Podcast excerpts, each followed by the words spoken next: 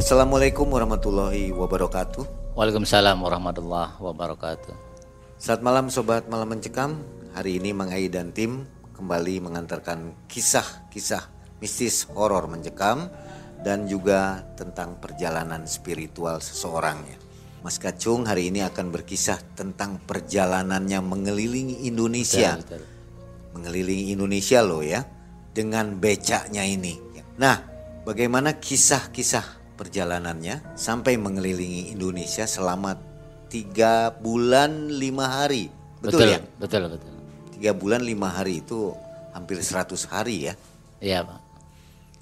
Mas Kacung kenapa ingin berkeliling Indonesia pada waktu itu?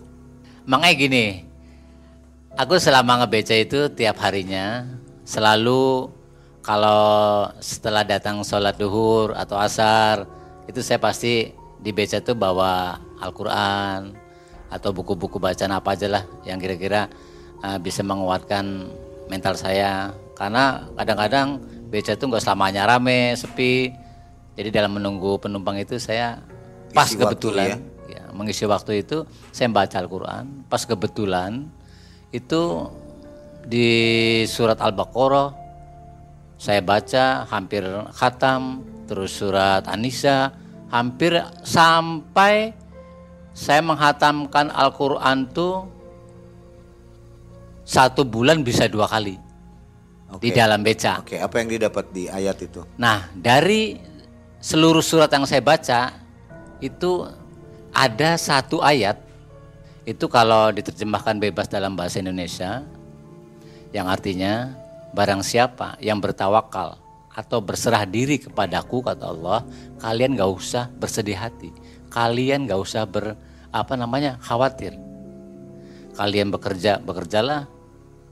Kalian usaha dagang, dagang. Kalian ngebeca, beca. Oke, tahan sampai di situ. Jadi berdasarkan ayat itu, Mas Kacung ini berkeliling Indonesia selain ada misi yang lainnya ya. Betul. Oke, kita kenalan dulu dengan Mas Kacung nih sebelum Mas Kacung berkisah lebih jauh lagi karena ini kisahnya akan cukup panjang. Jadi siap-siap nonton sampai akhir video ini. Betul. Sebelum mulai, Mas Kacung profesi yang sekarang digeluti apa? Sekarang alhamdulillah setelah uh, corona sekarang udah agak reda, saya sekarang berwirausaha dagang. Sudah nggak dibeca lagi? Sudah enggak. Tapi tetap beca yang saya keliling itu masih saya pakai. Masih dipakai ya? Masih dipakai untuk uh, bawa barang-barang. Karena terus terang saat ini beca tuh uh, bukan tidak laku, ada satu dua yang penumpangnya. Karena sekarang pakainya ojek online gitu. Banyak pakainya. online ya? Iya. Baik, Mas Kacung. Boleh tahu nama lengkapnya?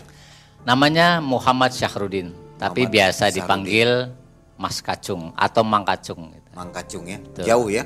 Muhammad Syahrudin. Sahrudin jadi Kacung. Kacung. Itu eh, panggilan dari saya kecil, pemberian orang tua saya. Oke, baik. Tiga bulan lima hari mengelilingi Indonesia. Motivasinya apa? Jangan skip, tonton sampai habis. Dan saya doakan semua sobat dalam keadaan sehat walafiat. Amin. Oke, kita dengarkan kisah Mas Kacung berkeliling Indonesia dengan beca. Silakan Mas Kacung.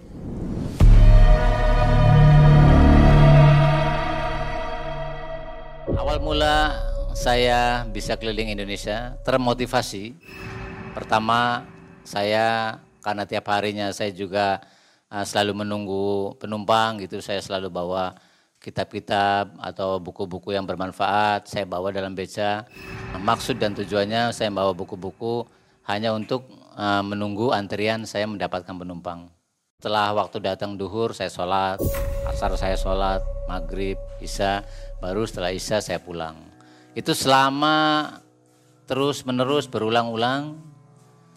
Puncak di tahun 2004 bulan Desember itu saya menemukan satu ayat di dalam Al-Quran dan ayat tersebut juga tersebar di surat-surat yang lain tapi intinya sama kurang lebih artinya kalau terjemahan bebasnya A'udzubillahi minasyaitonirrajim Bismillahirrahmanirrahim Barang siapa yang berserah diri kepada Allah Kalian gak usah khawatir kalian nggak usah bersedih hati.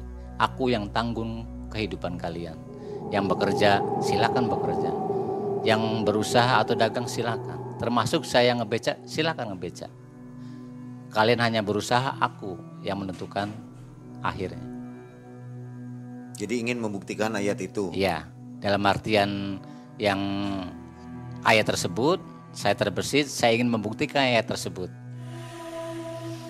Nah, setelah menemukan ayat tersebut, saya baru mulai mengumpulkan berkas-berkas ataupun data-data untuk saya nanti berkeliling Indonesia. Yang pertama, saya menemui orang-orang atau teman-teman satu-satu profesi yang ingin mau bergabung dengan saya untuk keliling Indonesia. Oh ini dengan teman ya? Ya betul Pak. Berapa orang? Rencana 10. Rencananya 10 Rencana 10 dengan misi yang tadi yang saya katakan di surat tersebut. Tapi misi yang formalnya itu misi perdamaian, misi lingkungan hidup, misi pendidikan, narkoba, dan banyak sekali di situ ada misi-misinya. Nah yang 10 orang itu saya berusaha sampai lebih kurang lebih 20 orang saya temuin tidak ada yang mau Pak. Karena motivasi mereka pertanyaan pertama itu kira-kira saya gabung dengan nah, Pak Kacung saya dapat apa? Jadi motivasinya dia minta kalau bisa mendapatkan uang dari keliling Indonesia tersebut. Karena saya motivasinya bersifat moral, ingin berbagi uh, informasi setelah saya nanti saya dapat di keliling Indonesia tersebut, tidak ada motivasi mencari uang kalau saya. Jadi satu emang motivasi spiritual. Gitu ya. Nah setelah saya mencari orang untuk bergabung atau menemani saya keliling Indonesia, saya menemukan satu, itu pun abang beca yang baru. Kenalan jadi di pang, jadi di pangkalan saya tuh kurang lebih ada 20. 20 abang beca. Jadi satu persatu kalau ini satu narik, yang di belakang nomor dua maju. Yang dua narik, yang ketiga maju. Jadi giliran itu ada 20 orang. Nah yang 20 orang itu tidak ada yang mau. Nah yang mau itu abang beca yang baru masuk tapi orang luar. Gitu. Itu prosesnya hampir lebih satu bulan saya mendekati beliau dan alhamdulillah orang juga masih ada di daerah Indramayu. Uh, namanya Mas Eko. Mas Eko orang Indramayu di daerah Kertasmaya. Nah itu setelah saya ketemu dengan Mas Eko, ketika Mas Eko saya kasih wejangan, Mas Eko mau dengan tekad yang sama, baru saya memberanikan diri ke orang tuanya Mas Eko untuk saya minta izin untuk menemani saya keliling Indonesia. Dan alhamdulillah orang tuanya juga mensupport, mendukung, diperbolehkan asal bisa menjaga diri. Ini juga tidak serta merta saya langsung berangkat ya, Mang E. Itu saya juga perlu perizinan baik di pemerintahan, baik terutama keluarga sendiri. Itu pertama yang saya datengin itu karena kedua orang tua saya sudah nggak ada, saya ke istri. Semula istri nggak setuju karena istri masih memiliki anak yang masih kecil, kurang lebih baru empat tahun lah. Itu putra yang kedua, namanya Muhammad Rizki. Nah itu setelah saya bujuk, akhirnya istri saya juga yang tadinya tidak setuju malah mensupport gitu. Terus saya izin juga ke mertua, ke saudara-saudara saya yang di kampung juga, dan semuanya merespot. Cuma pesannya jangan sampai memaksakan diri. Berapa lama persiapan sampai dengan keberangkatan? Nah itu persiapannya kurang lebih kurang lebih itu satu tahun, Mang E. Lama juga ya? Lama juga. Emang di surat perizinan ini ini agak lama juga. Tapi hikmah dari persiapan itu yang cukup lama, saya agak matang lah gitu lah. Karena saya juga selain membaca harus tahu daerah-daerah yang saya tuju itu harus tahu. Apa namanya tuh? Adat istiadat, kebiasaan mereka harus saya ketahui. Seperti saya misalnya nanti saya harus ke Bali, ke Lombok. Mereka adalah mayoritas beragama non-muslim, Hindu dan Buddha. Nah, itu saya mempersiapkan diri. saya minta rekomendasi dari vihara untuk sembahyang orang-orang Hindu Buddha, saya ke situ. Saya minta surat jalan dari mereka, minta cap. Karena saya nanti pasti kalau keliling Indonesia ada yang beragama Muslim, Kristen, ada Hindu, ada Buddha, jadi saya harus semua. Dan saya itu semuanya lintas agama saya minta rekomendasi. Dari mulai uh, Islamnya Kang Ayipmu, pesantren Jaga Satru, terus tokoh-tokoh agama, keraton, ada keraton Kasepuhan, Kanoman, Kecerbonan, Gunung Jati itu saya datengin semua. Kenapa milih beca, nggak naik motor atau naik sepeda misalnya? Ya, ini karena pertama satu unik, kedua emang itu keahlian saya, tidak ada lagi. Jadi Bismillah lah dengan niat yang apa namanya yang bulat, udah pakai beca aja. Emang secara logika ini beca ini emang daerah Bali nggak ada, Kalimantan apalagi, Sumatera juga apalagi nggak ada. Tapi saya bertekad lah, saya cari jalur yang aman. Makanya saya, saya satu tahun itu eh, selain mempelajari itu, saya kalau tiap malam itu tahajud pak, tahajud untuk spiritual saya itu. Ya, istiqoroh juga. Istiqoroh juga. Waktu itu mengumpulkan uang atau bawa uang berapa itu? Oh ya, untuk persiapan selain mental saya juga mempersiapkan materinya. Ini mau nggak mau saya juga harus bawa perbekalan. Itu perbekalan yang saya pasti harus bawa adalah spare part atau underdeal BC itu sendiri.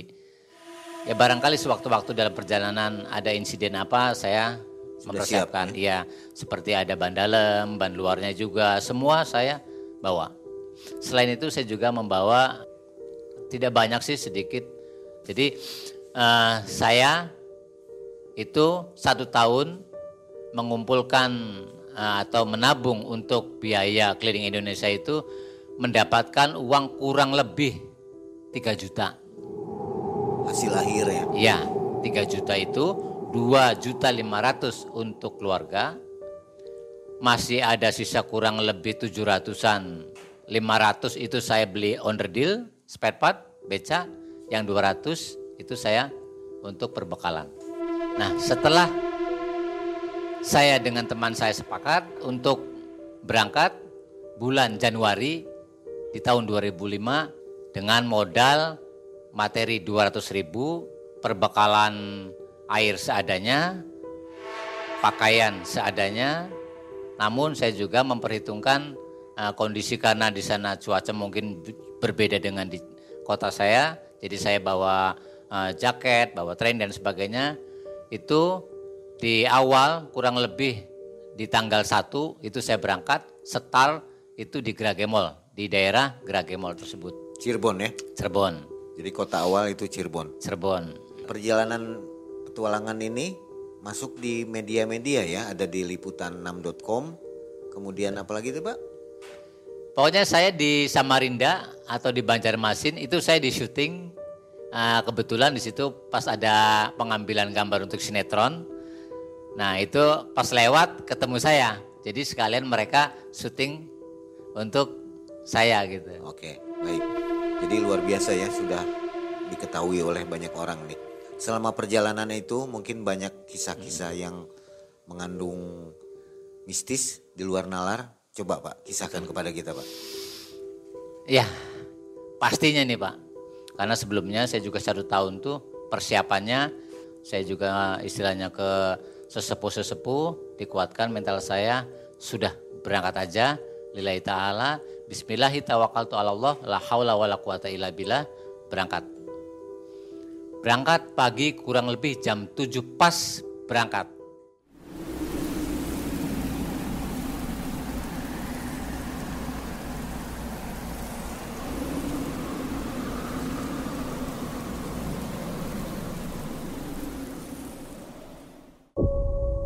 Selama perjalanan dari mulai Cirebon itu saya target Tegal dulu Pak. Di Tegal kurang lebih cuma satu hari. Pagi maghrib datang sampai alun-alun Tegal, saya masuk masjid, lapor ke DKM, setelah DKM, paginya besok saya ke pusat pemerintahan minta cap. Artinya saya ini sudah sampai di kota tersebut. Di wali kota Tegal tersebut. Setelah di Tegal, saya berangkat lagi di kota-kota berikutnya sampai ke Semarang tuh lima hari. Di setiap kota itu nginap Pak? Atau jalan terus? Ya, itu setiap datang waktu sore menjelang maghrib itu saya uh, berhenti dan berhentinya awal pasti ke masjid.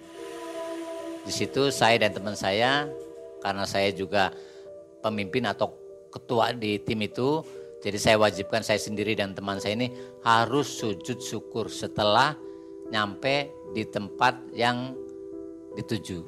Jadi saya masuk masjid, bersyukur pada Allah, sujud, sholat dua rakaat. Kemudian tidur di situ Pak? Ya, jadi sholat di situ, maghrib, isya, baru. Tapi saya nggak langsung tidur Pak.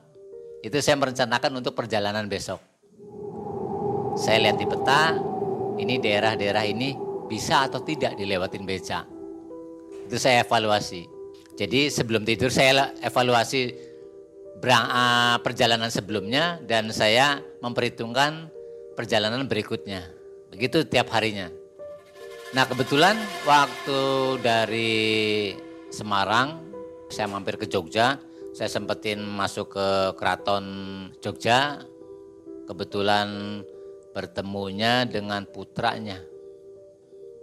Itu di dekat Malioboro, saya masuk di situ. Dan di situ alhamdulillah saya juga punya kenalan di Hotel Grage di situ. Saya tidur baru seumur umur saya baru tuh Pak tidur di hotel namanya Hotel Grage Mall Yogyakarta. Setelah dari Jogja, saya balik lagi ke Semarang, Semarang baru ke Surabaya. Itu Semarang, Surabaya lima hari juga. Saya juga ini kenapa kok selama saya perjalanan, perjalanan tuh pasti lima hari. Kebanyakan lima hari. Kalau saya kaitkan ini dengan sholat lima waktu bisa. Setelah saya sampai ke Surabaya, itu saya ke Madura dulu Pak. Nah, perjalanan di Pulau Jawa ini nyaris tanpa masalah, Pak ya. Tanpa masalah. Kemudian itu Bapak dapat uang dari mana, makan dari mana? Nah, dari Cirebon mestinya itu saya sudah menghabiskan lebih dari 200 ribu. Tapi ternyata itu 200 ribu Cirebon, Semarang, Surabaya, Madura itu tanpa mengeluarkan biaya sepeser pun. Itu saya bisa makan ketika saya lapar dan saya menyebut nama Allah di dalam hati, ya Allah, saya lapar. Nah, ketika saya menyebut Allah itu di depan saya sudah ada orang yang memanggil-manggil, "Pak, kemari, Pak, kemari." Saya deketin di situ ditawarin makan, dikasih duit juga, tapi saya nggak minta. Makanya surat yang saya temukan di dalam surat itu ayat tersebut kata Allah, udah kalian gak usah khawatir, gak usah bersedih hati, saya yang ngatur, udah berangkat aja. Jadi orang yang memanggil itu Allah yang ngatur. Dan itu setiap dari mulai setiap perjalanan dari mulai Cirebon sampai finish ke Cirebon lagi seperti itu. Dipanggil. dan makannya ketika saya lapar. Jadi bukan ah mau jajan gitu, ah mau foya-foya, enggak. Ketika lapar dikasihnya. Dan diberikan sesuatu oleh mereka pun bukan sekedar ini untuk makan, tapi ongkosnya juga dikasih. Jadi saya diberi itu melebihi dari apa yang saya inginkan. Saya ingin makan dikasih, ada uangnya juga, ada perbekalan buah-buahan, ada pakaian dikasih juga. Nah setelah saya sampai di Madura, ini dari Madura ke Bali tidak ada, saya balik lagi ke Surabaya. Situ saya nyebrang. Kalau menyeberang pulau itu naik ferry ya Pak ya? Betul, betul Pak, betul. Itu orang pada lihat semua dong, ini kok becak naik ferry gitu ya? Pastinya Mang ya. Terus gimana tuh?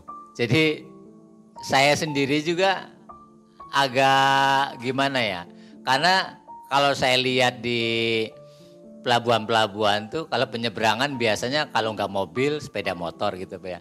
Ini saya bawa beca ini saya bisa enggak nih? Dan ternyata alhamdulillah saya sodorkan saya bawa punya surat jalan dari wali kota, saya serahkan kepada pihak pelabuhan dan mereka support juga mendukung ya. dengan misi-misi saya yang ada itu. Jadi malah dibantuin becanya diangkatin sama mereka. Kitanya ya bantu seadanya. Sampai-sampai saya juga itu di kapal malah saya disuruh keliling kapal tuh pak. Suruh ngeliat-ngeliat ngeliat gitu alhamdulillah di situ ada hikmahnya jadi di setiap saya nyebrang kapal feri itu nggak ada kendala sih kalau kapalnya besar feri itu saya bareng sama mobil juga bareng masuk uh, diparkir bareng sama mobil di situ. Perjalanan kemudian lancar pak ya? Lancar. Di kota mana yang terjadi kejadian di luar nalar? Ini ya emang aneh sedikit sih. Karena waktu saya turun di Bali, itu baru turun dari kapal, berjalan tidak lama, itu samping tempat wisata, pantai, hotel. Di sampingnya ada semacam perumahan-perumahan. Itu saya nggak disangka tuh. Ada segerombolan anjing di situ. Itu langsung ngejar saya. Ngejar beca? Iya, yang yang tadinya kecepatan cuma 30, 40, ini bisa sampai 60 km per jam becanya cepat gitu. Karena anjingnya bukan satu, banyak. Mungkin, mungkin aneh gitu, mungkin. Biasanya anjing tersebut ngelihatnya sepeda, motor, mobil, ini ngelihatnya beca, mungkin, mungkin situ. Jadi dikejar ya? Dikejar-kejar anjing. Tapi setelah anjing tersebut mungkin merasa lelah, saya jalan terus. Di depan emang saya nggak menyangka sih, di situ nggak sengaja juga. Teman saya itu mau buang hajat di situ Emang dalam perjalanan di Pulau Bali itu banyak sekali di setiap jembatan atau pohon-pohon yang sekiranya uh, besar gitu. Itu ada semacam dikasih kain dan di bawahnya kalau jembatan di atas. Jembatan kan ada dua tuh Pak, ada uh, ini besi, samping-sampingnya ada tembok-temboknya. Nah, nah di tembok-tembok itu ada sesajen. Itu pasti. Hampir saya sampai keluar Bali pun ada. Kalau di pohon-pohon yang besar itu ada semacam kain yang biasanya putih, terus ada kotak-kotaknya itu Pak, tapi ada sesajanya juga. Nah ketika di situ teman saya Mas Eko tuh mau buang air situ. Sebelumnya saya juga udah bilang sih, nanti hati-hati baca bismillah dulu kata saya itu gitu. Cuma kayaknya lupa atau enggak, dia ya buang air aja biasa. Jadi setelah kencing, nyampe maghrib di satu tempat itu tadinya saya mampirnya di masjid yang kecil, musola. Tapi dilarang sama warga tersebut, jangan di sini. Nanti diteror. Karena ini masih masih berbau bom Bali satu. Kamu di masjid yang besar aja. Jadi sesuai arahan orang musola, saya di masjid yang besar. Nah setelah sampai ke masjid, setelah sholat maghrib, Mas Eko nih badannya ngerasa nggak enak anget badannya itu, panas. Nah satu hari itu enggak, saya enggak keliling, enggak nerusin perjalanan dulu. Karena Istirahat. ya melihat kondisi ini, saya enggak mau yang saya bawa nih Mas Eko nanti terjadi sesuatu di jalan jadi istirahat dulu satu hari. Ya saya uh, sebisa-bisanya saya beli obat juga, saya juga uh, saya kasih air putih dengan saya yang saya bisa saya baca-bacain gitu. Itu gara-gara apa Pak? Setelah buang air itu. Buang air kecil di situ yang di pohon yang ada sesajennya tuh. Jadi pohonnya dikencingi gitu? Iya di sampingnya pohon. Cuma saya kan ngasih tahu jangan pas di pohonnya kalau bisa di sampingnya. Setelah itu dia sakit. Nah setelah satu hari agak reda masih sakit tapi dipaksain udah berangkat aja. Saya khawatir nanti nggak nyampe nih. Itu saya rencana kurang lebih enam bulan. Makanya saya ke Mas Eko, udah nggak apa-apa, nanti di jalan sambil jalan beli obatnya lah. Ya udah. Tapi nanti Mas Kacung yang bawa beca terus ya, siap katanya. Jadi selama di Bali uh, perjalanan menuju kota berikutnya itu saya terus. Masih kok hanya di dalam. Nah dari Bali itu itu ke Lombok, ke Nusa Tenggara Barat. Sama, itu perjalanannya kurang lebih lima hari juga, hampir-hampir lima hari. Ada kejadian aneh di luar nalar? Nah di Lombok sih nggak ada sama sih dengan Bali gitu, masih Hindu juga. Itu saya tujuannya itu mau melihat kerajaan Mataram di situ. Ternyata juga nggak ada, adanya museumnya aja. Saya dianterin sama pihak-pihak situ. Ini bekas-bekasnya tapak tilasnya di situ udah ada, ada semua. Nggak ada yang aneh di situ. Dari Lombok langsung saya berinisiatif ke Nusa Tenggara Timur. Ibu kotanya Kupang. Nah, di situ dalam perjalanan yang cukup lumayan berdebar lah gitu. Karena saya harus melewati Selat Awu dan Selat Awu itu gelombang ombaknya tuh lumayan. Dan banyak yang kapal tuh yang karam di situ. Dan itu baru naik kapal becanya dan itu langsung tuh Pak. Datang ombak tuh sampai saya mual-mual sampai muntah. Kurang lebih uh, perjalanan dari Nusa Tenggara Barat ke Nusa Tenggara Timur dua hari. Kapal di dalam kapal itu dua hari. Tidak ada kejadian. Tidak ada, belum ada kejadian. Cuma kapal tuh terombang ambing aja. Tapi sebelum itu ada kapal yang tenggelam. Karena sebelumnya saya dikasih tahu sama pihak pelabuhan. Jadi setelah sampai, alhamdulillah sampai selama dua hari itu perjalanan sampai ke Nusa Tenggara Timur. Nah di sini mulai ada hal-hal yang berbau mistis di Nusa Tenggara Timur. Itu dari Nusa Tenggara Barat, Lombok, ke Nusa Tenggara Timur dua hari, itu nyampe jam satu malam, nyampe pelabuhan. Setelah menyandar, saya turun, nah itu beca tuh ada di ujung kapal nih, karena kapal feri itu yang buat mobil itu penuh. Saya dikerek pakai derek, taruhnya di atas. Dan turunnya pun agak susah sama ABK-nya dibantuin sampai bisa turun juga becanya di situ. Saya nyampe di Nusa Tenggara Timur di pelabuhannya itu jam satu malam. Dan itu harus saya cepet-cepet dapat penginapan. Target saya masjid. Ini yang saya tahu Nusa Tenggara Timur tuh mayoritas agamanya non muslim. Aduh, ini saya ketemu enggak nih masjid nih? Gitu, jam satu malam. Dan penerangannya enggak seperti di kota-kota gitu enggak. Pakainya genset solar kebanyakan situ. Dan benar, situ gelap. Dan begitu nyampe di area pelabuhan, itu mau ke daerah kotanya, itu naik. Enggak datar, naik. Pokoknya kalau yang sudah pernah ke NTT dari pelabuhan itu nanjak. Itu berat ya ngayuhnya. Enggak, enggak, enggak, enggak bisa, enggak bisa dikayu. Dorong. Dorong. Pokoknya setiap tanjakan yang agak curam gitu pasti didorong. Nah sudah sampai ke atas tuh penerangan cuma lampu-lampu seperti merah gitu lah lampu. Irit Bukan, iya, bohlam yang zaman dulu gitu. Belum ada penerangan jalan itu nggak ada. Itu Gelap. sudah sampai kota belum? Pelabuhan tuh adanya di kota. Jadi kalau di Cirebon tuh di panturanya di pesisir di pelabuhan pos 1, pos 2 itu seperti itu. Cuma kotanya tuh ada di atas. Jadi kalau saya di atas tuh kelihatan. Lautan tuh kelihatan. Dan itu batu karang. Cuma dibuat jalan aspal. Nah pas kebetulan saya nanya ada masjid di atas. Saya ke masjid. Nah dalam perjalanan ke masjid tuh itu babi banyak. Malam. Tapi enggak, enggak ini sih. Enggak terlalu mengganggu. Rupanya babi itu piaraan-piaraan orang-orang penduduk terse eh, setempat. Jadi bukan apa namanya tuh babi liar bukan. Cuma tetap karena saya juga di kota Cirebon nggak ada babi, jadi ya tetap kaget juga. Ada suara kok kok gitu gitu, apa Asing- gitu. asing ya? Iya asing. Setelah itu sampai ke masjid, kebetulan masjid itu ada tempat untuk persinggahan orang-orang musafir.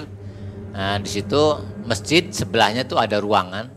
Tapi ruangan tersebut tuh bisa digunakan untuk eh, keranda mayat juga bisa untuk musafir. Kebetulan yang buat di musafir itu dalam renovasi, saya tidur di dekat kerandanya si mayat situ. Pas keranda mayat tuh paginya baru dipakai. Baru dipakai pemakaman yang meninggal hari itu. Jadi setelah paginya dipakai untuk mengantar jenazah, saya tidur di situ. Nah di situ ada sedikit kejanggalan sih. Saya tidur biasa sama teman saya, terus eh, evaluasi perjalanan ke belakang, nanti ke depan bagaimana. Setelah itu istirahat. Nah itu sempat sempat gitu aja. Apa namanya keranda itu goyang-goyang aja. Tapi nggak apa-apa. Karena uh, saya juga ke temen ngasih tahu nanti kalau ada kejadian ini nih udah nggak usah di ituin. Pokoknya kita nggak ganggu mereka juga ganggu. Gitu aja. Nggak apa-apa saya tidur. Uh, ini ketika saya setelah singgah di masjid itu saya tuh hendak mau ke gubernur Nusa Tenggara Timur Kupang. Dalam perjalanan masih tidak jauh sih dengan masjid itu kurang lebih satu kiloan lah itu saya melewati gua. Itu saya belum tahu nih. Guanya gua apa saya belum tahu. Itu saya lewat.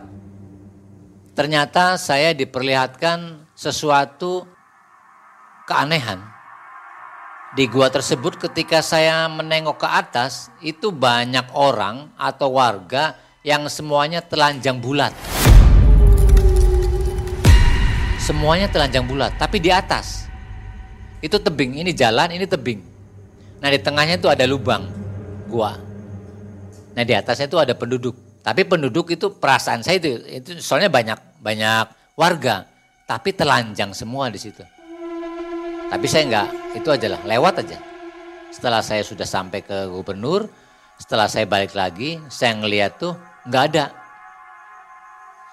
Nyampe sore hari, balik lagi ke uh, tempat saya singgah tadi, di tempat saya biasa menginap di tempat musafir yang keranda itu, saya minta uh, ke ketua DKM masjid tersebut, terus saya dianterin ke ketua RW-nya, saya nanya, sebenarnya di Gua Monyet tuh ada warga tidak, ada penduduk tidak.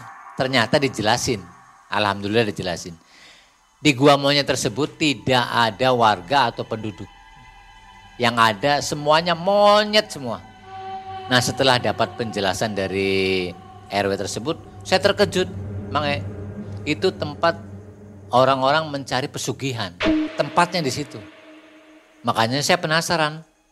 Ini kata orang-orang nih gua maunya ini pintunya itu sampai ke ibu kotanya. Tembus. Dan saya telusurin itu ada. Pintu ini dengan pintu itu ada. Jadi antar kota dan kabupaten berupa terowongan atau gimana? Saya nggak berani, cuma ada pintu gerbangnya aja. Tapi sekarang jadi objek wisata. Seperti hanya di Cirebon sih kayak tempatnya monyet Tapi ada orang-orang tertentu itu buat pesugihan. Yang bikin herannya itu saya ngeliat, teman saya enggak. Saya ngeliat orang telanjang, teman saya Mas Eko monyet. Makanya saya nanya, ada penduduk enggak di situ? Ternyata tidak ada yang ada monyet semua. Kalau yang di bawah emang monyet, saya ngeliat monyet. Soalnya saya bawa sih makanan, saya diambil sempat diambil makanannya sama monyet tersebut. Gitu. Makanya saya nengok ke atas barangkali ada monyet lagi nih. Gitu. Ternyata bukan. Ya. Itu kurang lebih habis sholat duhur siang. siang Tapi ya? sore harinya tuh menjelang maghrib udah nggak ada. Nggak tahu mereka ke mana. Tapi keesokan harinya saya nengok lagi nggak ada, adanya monyet. Jadi waktu itu juga saya ngelihatnya itu. Diulang saya penasaran, diulang nggak bisa lagi mata saya nggak bisa ngelihat, nggak kebuka lagi. Keesokan harinya pagi setelah sholat subuh, saya mulai berangkat jam 7 pagi masuk masjid lagi sholat duha, baru saya keliling ke kota Kupang Nusa Tenggara Timur. Jadi di Kupang tuh jalannya rata-rata naik dan samping-sampingnya tuh banyak batu karang. Itu kalau uh, orang penduduk setempat atau kita mau membangun rumah tersebut tidak menggali untuk pondasi itu enggak. Jadi itu tuh kebanyakan batu karang jadi nggak bisa digali. Jadi mana yang lebih tinggi itu jadi acuannya, yang jadi patokannya. Nanti tinggal diratain. Jadi kalau membangun rumah tuh itu saya ngobrol dengan DKM setempat. Nah DKM setempat di situ tuh orang uh, Nusa Tenggara Timur namanya Pak Ahmad yang menyambut saya sebagai ketua RW-nya di situ. Dan beliau juga yang tadinya itu udah mualaf. Profesinya kalau nggak salah dia tuh pencari ikan. Itu hanya modalnya perahu apa namanya ketek tuh pak. Yang dari pohon terus dibelah di itu itu hanya modal itu sama tombak aja tuh. Nah itu matanya tuh buta satu tuh. Karena sering nyelam. Jadi cuma ambil air itu. Ngambil ikan nggak pakai pengaman sih nggak. Langsung gitu aja. Tiap hari tuh namanya Pak Ahmad. Nah itu ditolong sama Pak Ahmad juga. Selama dua hari di Nusa Tenggara Timur sempet saya aduh ini barang-barang atau perbekalan saya itu ada yang mengambil atau dicuri. Jadi ketika saya sholat isya dalam saya sholat ini ada yang masuk di kamar yang sebelahnya orang musafir yang keranda maya tersebut tuh. Karena saya naruh barang-barang situ, surat-suratnya, uh, uang hasil dari saya perjalanan. Itu pokoknya habis saja. Yang tadinya cuma pengennya 3-4 hari ini sampai dua minggu. Di situ. Tapi alhamdulillah ya Allah masih memberikan pertolongan di situ. Ada semacam paguyuban orang Jawa di situ. Saya dikasih nah, untuk menyeberang tuh kurang lebih 500 ribu lah tiga hari di Nusa Tenggara Timur saya mau ke Maluku saya harus izin dulu ke aparat setempat terutama di pelabuhan tersebut dan itu tidak diizinkan. Ke Maluku, ke Ambon tidak diizinkan. Ke Timur Timur juga tidak boleh juga. Karena daerah tersebut masih berada kondisinya tidak kondusif. Masih ada konflik-konflik. Jadi saya tidak boleh ke situ. Baru saya evaluasi lagi, ini bisanya ke Sulawesi. Jadi saya rencanakan harus ke Sulawesi untuk ke Sulawesi tersebut kapal tuh jarang ada. Ada pun tiga hari sekali baru ada. Kebetulan itu udah tiga hari di situ ada yang ke Sulawesi. Kapalnya besar, kapal ferinya. Yang ada bioskopnya, yang ada itunya lah, fasilitas lengkap lah. Cuma saya tidak diizinkan. Terus datang lagi tiga hari, yang ke Sulawesi juga tidak diizinkan lagi sampai ketiga kalinya tidak diizinkan. Saya putusin, ini saya harus lapor langsung ke gubernur. Saya ke gubernur Nusa Tenggara Timur. Nah, setelah saya empat mata sama gubernur, itu tetap tidak diizinkan. Saya nggak mengerti, Pak, ini kenapa? Saya punya mempunyai misi yang banyak, ini saya ada surat jalan tapi nggak boleh. Udah, pokoknya nggak boleh. Jadi tanpa alasan, nggak boleh aja. Sampai sekarang nggak tahu alasannya. Ya, jadi saya inisiatif pas kebetulan di situ juga kalau di pelabuhan tuh ada ya kalau di Tanjung Priok juga ada semacam kayak calo-calo gitu atau preman-preman setempat. Jadi saya menghubungi mereka dan mereka pun eh, menyambut dengan baik, nggak marah, nggak apa nggak. Tenang aja, nanti saya yang ngurus.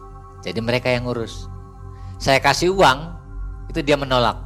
Udah, saya mensupport, mendukung misi Anda, silakan Nanti dua hari kemudian datang tapi bukan kapal feri yang besar nih kata yang megang kawasan tersebut. Ini nanti kalau saya rekomendasikan kata beliau eh, orang tersebut nanti kapalnya kayu. Nanti yang datang orang Bugis. Nah itu nyandar sore hari saya menemui mereka diantar dengan ini dan boleh. Terus saya nanya kira-kira Pak bayarnya berapa? Nah kaptennya itu nggak usah bayar. Udah naik aja. Kalau mau ngasih tuh kasih aja ke ABK ke anak buah saya. Anak buah kapal saya sok kasih nggak apa-apa. Mau kasih rokok terserah. Dan alhamdulillah diterima. ABK ABK-nya itu gotong beca saya ke kapal yang kayu itu nah itu sebelum saya naik ke kapal kayu tersebut malam itu merenung ini kenapa yang saya mau naikin kapal feri yang besar, yang formal punya pemerintah, yang punya otoritas di situ saya juga punya surat jalannya, nggak boleh. Kenapa? Sedangkan saya tidak boleh memaksakan diri karena saya dapat amanat dari wali kota, dari orang-orang sesepuh yang saya di Cirebon itu jangan memaksakan diri. Jadi saya nggak memaksakan diri tuh. Jadi tetap mengalah. Cuma ada pertanyaan kenapa gitu. Ternyata hikmahnya ini hubungannya erat dengan ayat yang tadi saya baca. Allah menjamin kalian nggak usah khawatir, kalian nggak usah bersedih. Saya nggak boleh bersedih dengan tidak diperbolehkan. Saya nggak boleh bersedih dan ternyata benar. Tiga kapal feri yang saya tidak diizinkan tuh tenggelam semua, Pak. Dapat kabar dari mana? Itu setelah kapal yang pertama itu pagi harinya ada datang kabar dari pelabuhan tuh, iya. Setelah saya kan mau izin lagi tuh, mau naik itu tuh, ya pokoknya masjid, pelabuhan, saya pasti main ke bawah. Dan saya mendapat informasi kapal tersebut tenggelam. Dan ternyata itu ada di surat kabar setempat. Tiga kapal, tiga kapal itu. Dalam waktu Pokoknya setiap sore itu kapal-kapal yang daerah yang menyandar tuh dia akan uh, nyari tempat perlindungan dekat-dekat bukit supaya nggak terbawa arus itu. Itu kalau nggak salah selatnya selat sape kalau nggak salah. Itu yang lumayan juga gelombangnya itu. Justru kapal yang besi tenggelam, saya diselamatkan sama Allah tuh pakainya kapal kayu. Setelah saya tengok masuk ke dalamnya, itu dari mulai kaptennya, ABK-nya, sholat semua waktunya sholat. Saya ikut berjamaah di situ. Dan selamat, tapi sempet. Oh iya, tapi selamat. Jadi yang tidak boleh tadi saya naik itu tenggelam, ini kapal yang kayu. Logika aja lah, kabel besi, kapal yang besi ini harusnya lebih lebih kuat, lebih kokoh dari yang kayu ini. Dan lebih besar ya? Iya, cuma ini keberkahan rahmat dari Allah karena penduduk bukan penduduk, kru yang disebut tuh sholat. Itu dilindungi sama Allah di situ. Tapi Nah. yang saya aneh kenapa tidak diizinkan ya sampai sekarang nggak tahu. Sampai sekarang, sampai sekarang. Jadi misteri ya. Iya, saya juga nggak berani apakah beda agama gitu nggak. Nggak, saya nggak nggak mengaitkan ke sana. Udah aja nggak boleh lah. Baru setelah dua minggu di situ, saya nyebrang dari Nusa Tenggara Timur ke Makassar, Sulawesi. Itu rencananya saya mau ke rumahnya Habibie juga, ke Yusuf Kala itu saya punya rencana ke situ. Sobat MM ini kisah masih sangat panjang nih. Mas Kacung baru bercerita setengahnya ya. Masih Iya. banyak kisah-kisah yang lebih ekstrim lagi yang terjadi Betul. di Kalimantan dan Sumatera.